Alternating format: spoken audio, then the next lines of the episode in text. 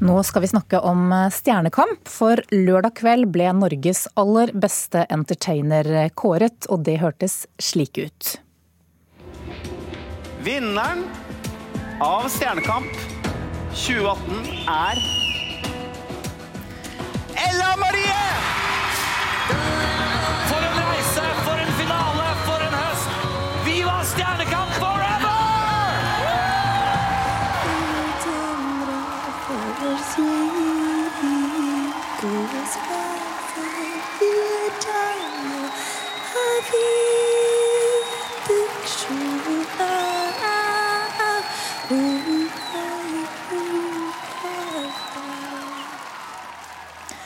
Ella Marie Hætta Isaksen, velkommen til Nyhetsmorgen og gratulerer. Tusen takk. Hvordan var det å våkne opp i går morges etter seieren?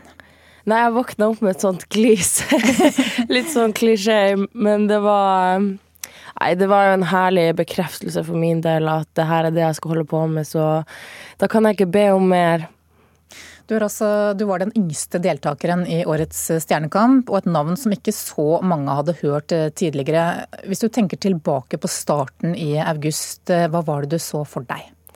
Jeg har sett for meg finalen fra start, og det er det jeg også tror gjorde at jeg kom meg dit. At jeg torde å liksom ja, prøve, i alle fall. Eh, men jeg hadde aldri forventa at denne reisa skulle bli som den ble, og at den skulle bli så viktig for meg personlig.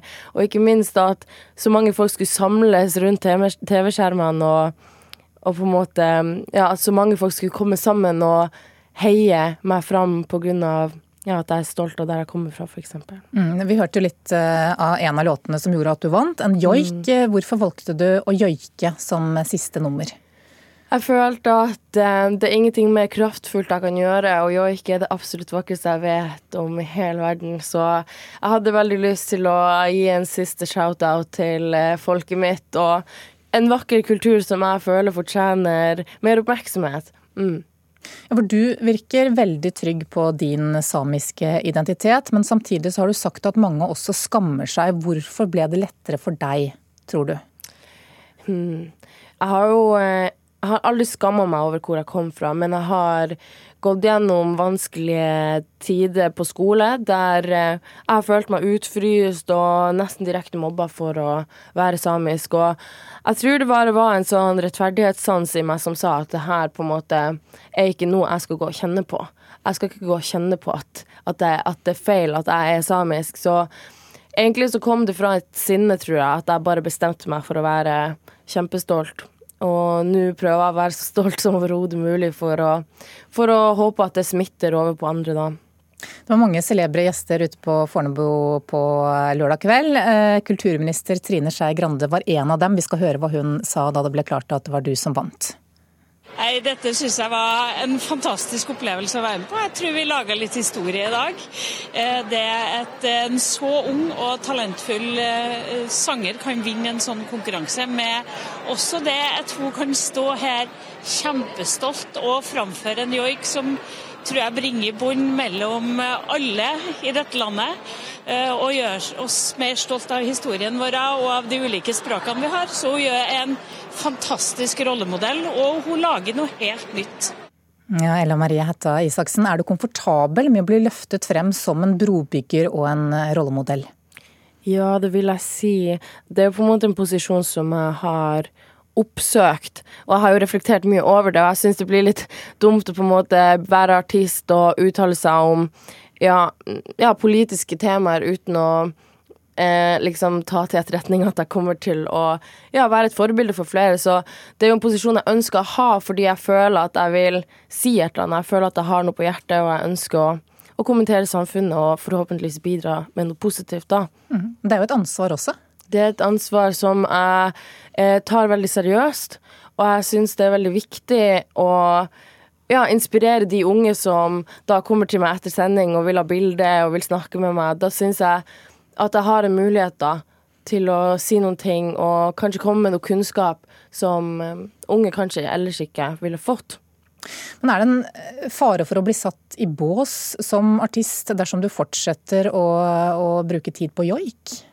Eh, ja, det er jo klart at jeg blir, jeg blir, jo satt i bås allerede, men det er jo akkurat de stereotypene jeg på en måte vil knuse, da. Eh, jeg vil jo være en samisk artist, for det er jeg, og det kan jeg ikke komme uten.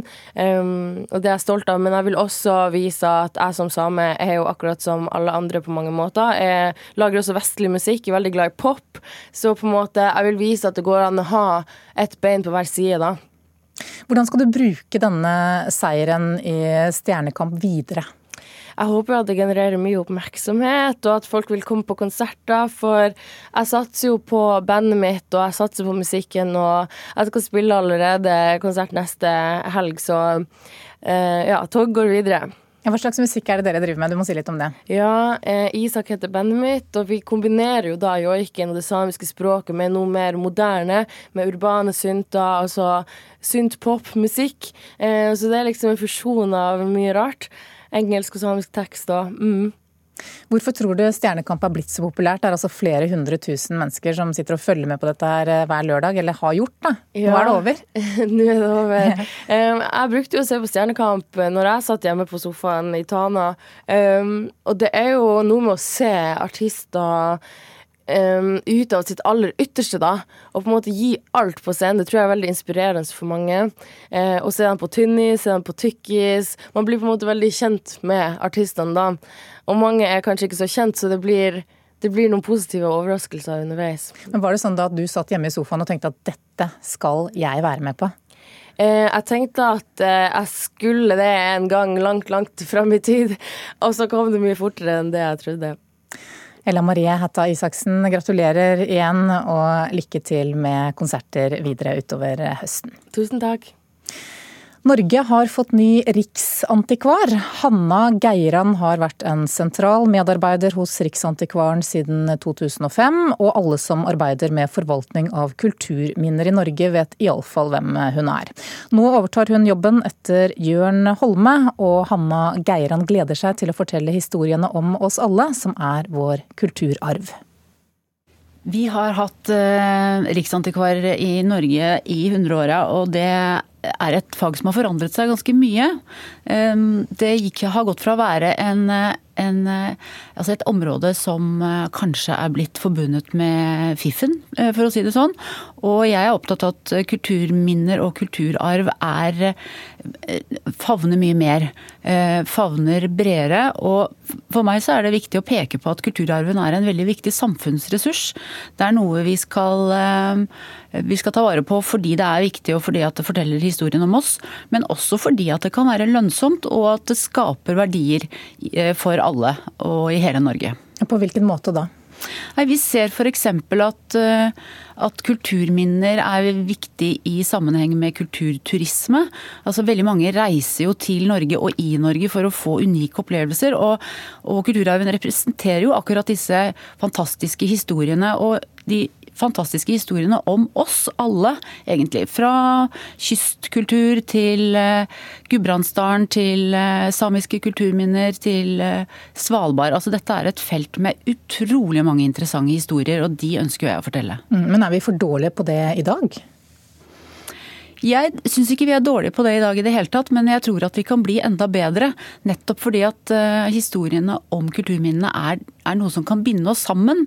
Og, og gjøre oss uh, både klokere, og, og, da er det også interessant at det er, som sagt, kan være lønnsomt.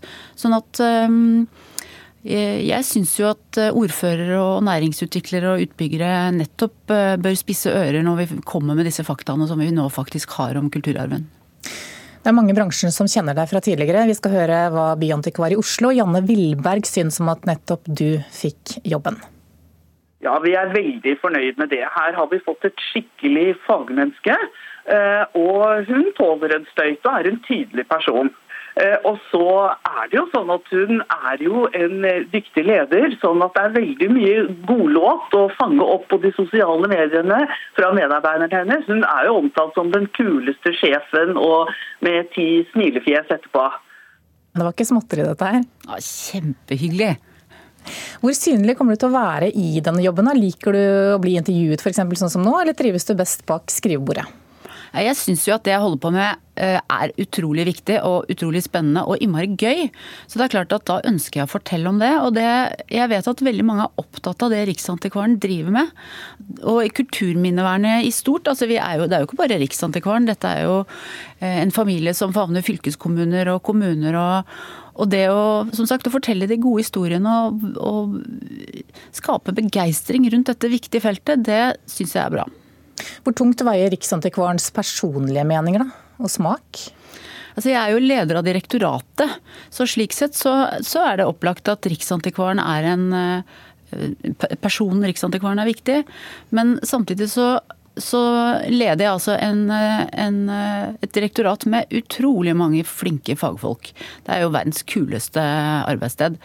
Og vi har også en, da, en familie med kulturminnevernet i fylkeskommunene og kommunene. Så, så dette, er en, dette, er en, dette er en folkebevegelse som får stadig flere medlemmer, og det er kjempekult. Er det noen helt konkrete prosjekter eh, som blir viktige eller viktigst da, for deg som riksantikvar? Altså I første rekke nå så har vi holder på med regionreformen. Det er jo mange som holder på med den, men vi har holdt på med den ganske lenge i samarbeid med fylkeskommunene. Så det, i 2020 så skjer det store ting, og det blir kjempespennende. Og så er det jo samtidig å holde hva skal man si, fokus og sette fokus på kulturarven. Eh, og, og bidra til at, til at, den kommer inn i debatter, i politikken. Eh, og og selvfølgelig også da gjennom de prosjektene og de, de spørsmålene vi får til behandling hos oss. Så det har vært litt fokus på at du er den første kvinnen i stillingen. Betyr det noe for deg?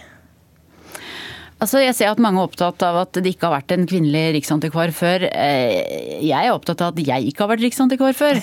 Og så får jo på en måte andre diskutere det med kvinne og mann. Eh, sånn tenker jeg rundt det. Ja, Det sa altså Hanna Geiran, som er ny riksantikvar i Norge.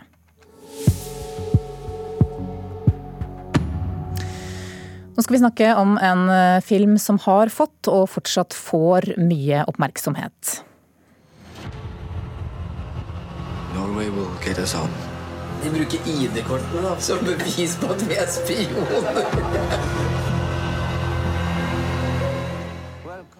Dette er fra filmen 'Mordene i Kongo'. og Akkurat nå er det mange som ønsker å få tak i skuespiller Aksel Hennie, som spiller Joshua French i denne filmen. Kulturreporter Kaja Andreassen, hva er grunnen til at eh, mange journalister nå vil snakke med han? I forbindelse med filmen 'Mordene i Kongo' så har Aksel Hennie besøkt Joshua French eh, flere ganger da han eh, satt i fengsel i Kongo. Til Dagbladet Magasinet så har Henny innrømt at han var enormt konfronterende mot French. Nå reagerer Joshua French sin advokat, Hans Marius Grosvold, og kaller Aksel Hennies samtaler i fengsel eh, totalt uansvarlig og uforsvarlig til VG. Ja, Hva er det Grosvold syns er så uforsvarlig med disse samtalene? Aksel Hennie har fortalt eh, i forbindelse med lanseringen at han smuglet inn et kamera i fengselet i Kongo for å gjøre opptak av samtalen han hadde med French. Grosvold syntes det var uforsvarlig å gå fram på denne måten, og også prøve å knekke French for å få informasjon ut av han. Produsent eh, Christian Fredrik Martin avviser at besøkene ikke var gjort på en forsvarlig måte. Ja, kan se om vi får tak i Aksel Hennie i løpet av dagen. Jeg får håpe det.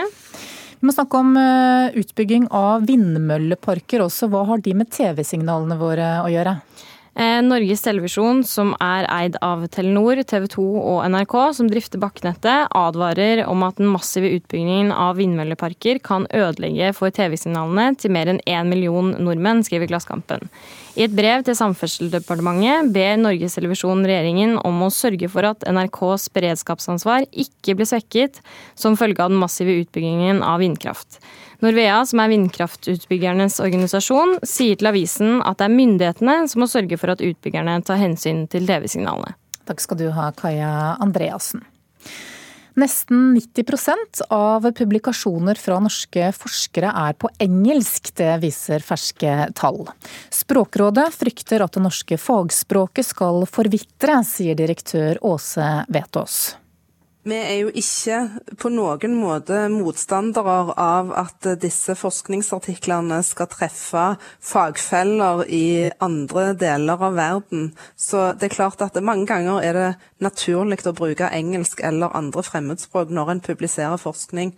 Vår bekymring når vi ser disse tallene, det er at det språket som blir brukt i de smale forskningsartiklene som leses av få, det ser vi at smitter over på de andre aktivitetene med, ved høgskolene og universitetene.